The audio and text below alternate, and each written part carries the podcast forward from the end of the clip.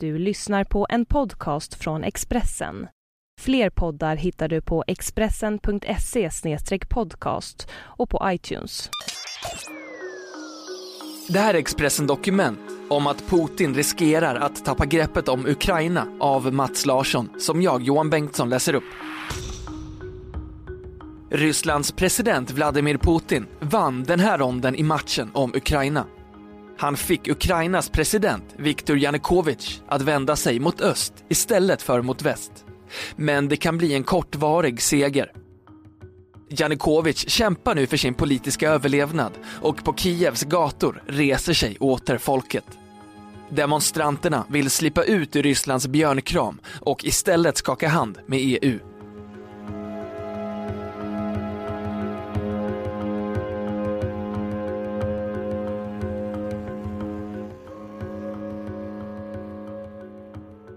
De reste åter barrikader igår vid infarterna till Självständighetstorget i centrala Kiev.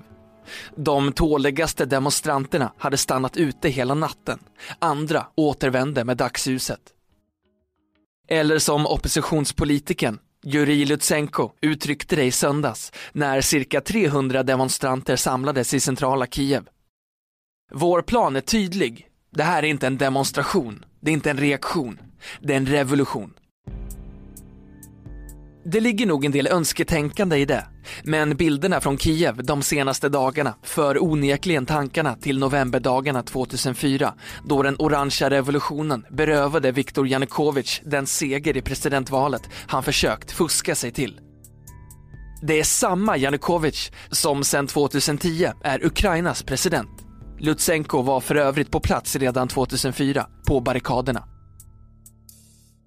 Men huvudfigurerna från 2004 är inte med den här gången. Viktor Jutjenko, som till slut vann presidentvalet det året, skötte sig så dåligt som president att han tidigare i år upplöste sitt parti. Borta är också Julia Tymosjenko, även hon en huvudfigur från 2004.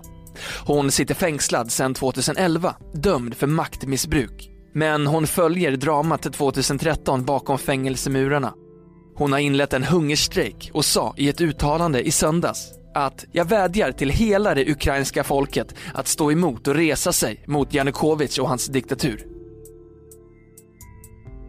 Det finns samtidigt nya aktörer. En av dem är tungviktsmästaren i boxning, Vitalij Klitschko, som sedan i fjol sitter i Ukrainas parlament för oppositionspartiet Udar. En förkortning som även betyder smocka på ukrainska.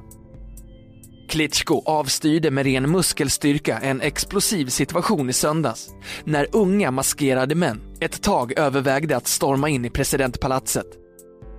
Jag säger åt er, gå tillbaka, skrek Klitschko och knuffade de främsta i ledet bakåt. Kravallpolisen höll en låg profil igår och syndes under långa stunder inte till alls på Självständighetstorget där demonstranterna främst håller till. Revolutionen 2004 handlade om vem som skulle ha makten, om rätten att fritt välja en president utan valfusk. Kraven växer nu att regeringen och Janukovic ska avgå. Men det som utlöst protesterna den här gången är en ännu större ödesfråga. Frågan om var Ukraina hör hemma, i väst eller öst. Landet Ordet betyder på ryska vid gränsen, har genom historien slitits mellan stora grannar. Inte minst Ryssland i öst och Polen i väst. Många ryssar ser i själva verket Ukraina som en del av Ryssland. Det var där, i Kiev, som den första ryska statsbildningen uppstod. Ukraina fick sin självständighet 1991 i samband med Sovjets upplösning. Men till skillnad från exempelvis Litauen så behövde de inte kämpa för det med blod. Och Sovjetunionens upplösning är ett historiskt drama som vi egentligen ännu inte sett slutet på. Ryssland har under president Vladimir Putin som mål att knyta flera av de forna Sovjetstaterna närmare till sig i en tullunion. Det talades för några år sedan till och med om NATO-medlemskap för Ukraina. Men det kortvariga ryska kriget i Georgien 2008 satte stopp för alla sådana diskussioner. Istället styrde EU en offensiv för att knyta Ukraina närmare till sig. Förhoppningen var att Ryssland i alla fall skulle acceptera det.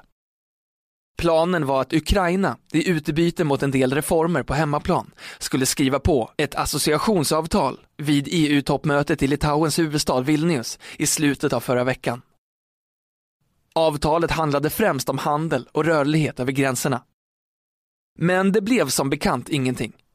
En viktig orsak är att Putin inte vill se Ukraina hamna i omloppsbana runt EU. Ryssland införde redan i somras en del handelsrestriktioner mot Ukraina och gjorde klart att värre skulle följa om Ukraina skrev på avtalet med EU. Ukraina är bland annat beroende av gasleveranser från Ryssland. Om Ukraina skriver på så kommer det att leda till politisk och social oro. Levnadsstandarden kommer att sänkas dramatiskt, sa exempelvis den ryske politikern och Putin-medarbetaren Sergej Glazev. Putin själv uttryckte sina åsikter om Ukraina så här nyligen. Vi har gemensamma traditioner, gemensam mentalitet, gemensam historia, gemensam kultur. Vi är ett folk. Ukrainas president Viktor Yanukovych kommer från sydöstra Ukraina där många känner ett betydligt större släktskap med Ryssland än i västra Ukraina. Han talar själv ryska som första språk. Han var från början Moskvas favorit, men hans spel med EU har setts med stor misstro. Antagligen beseglades EU-avtalets öde när han i början av november träffade Putin i ett hemligt möte. Det är inte klart vad som sades där, men Janukovic bestämde sig efteråt för att avstå från avtalet med EU och istället ta emot de ryska gåvor som erbjöds. Det var dock ett beslut som väckte bestörtning bland de, inte minst, unga ukrainare som vill knyta närmare band med EU.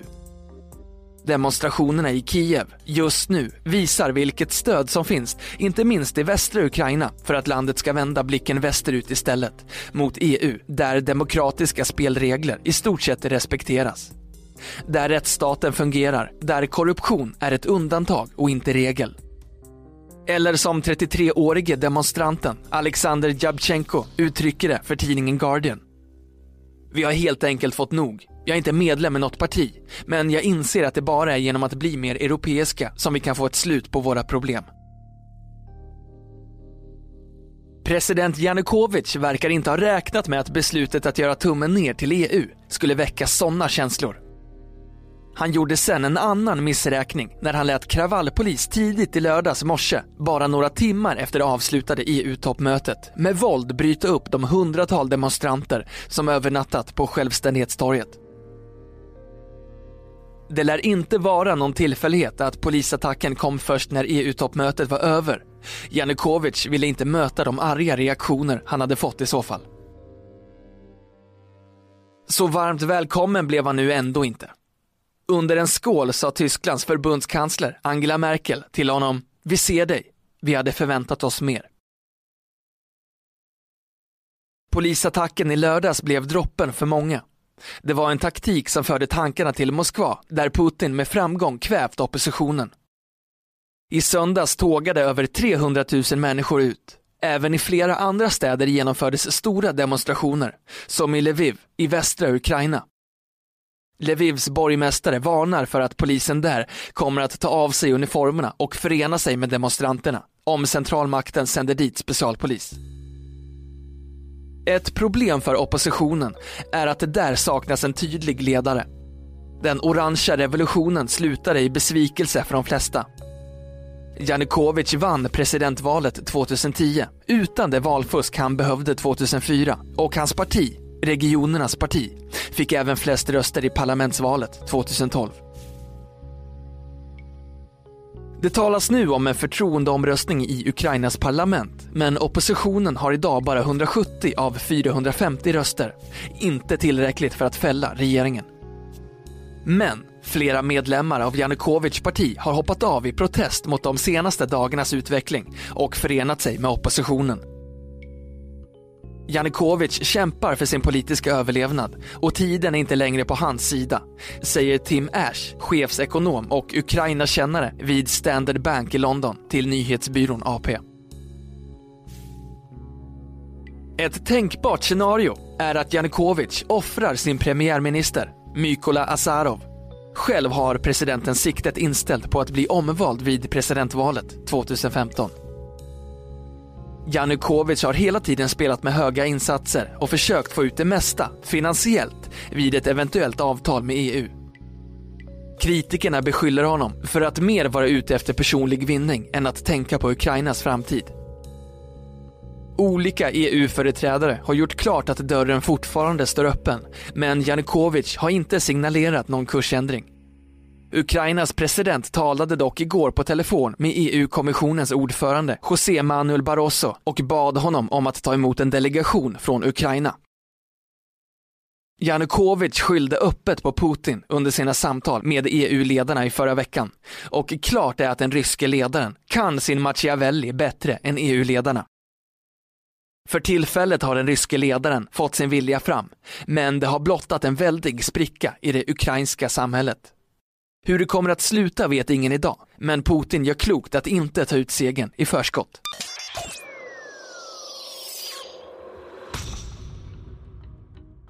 Du har lyssnat på en podcast från Expressen. Ansvarig utgivare är Thomas Mattsson. Fler poddar finns på Expressen.se och på iTunes.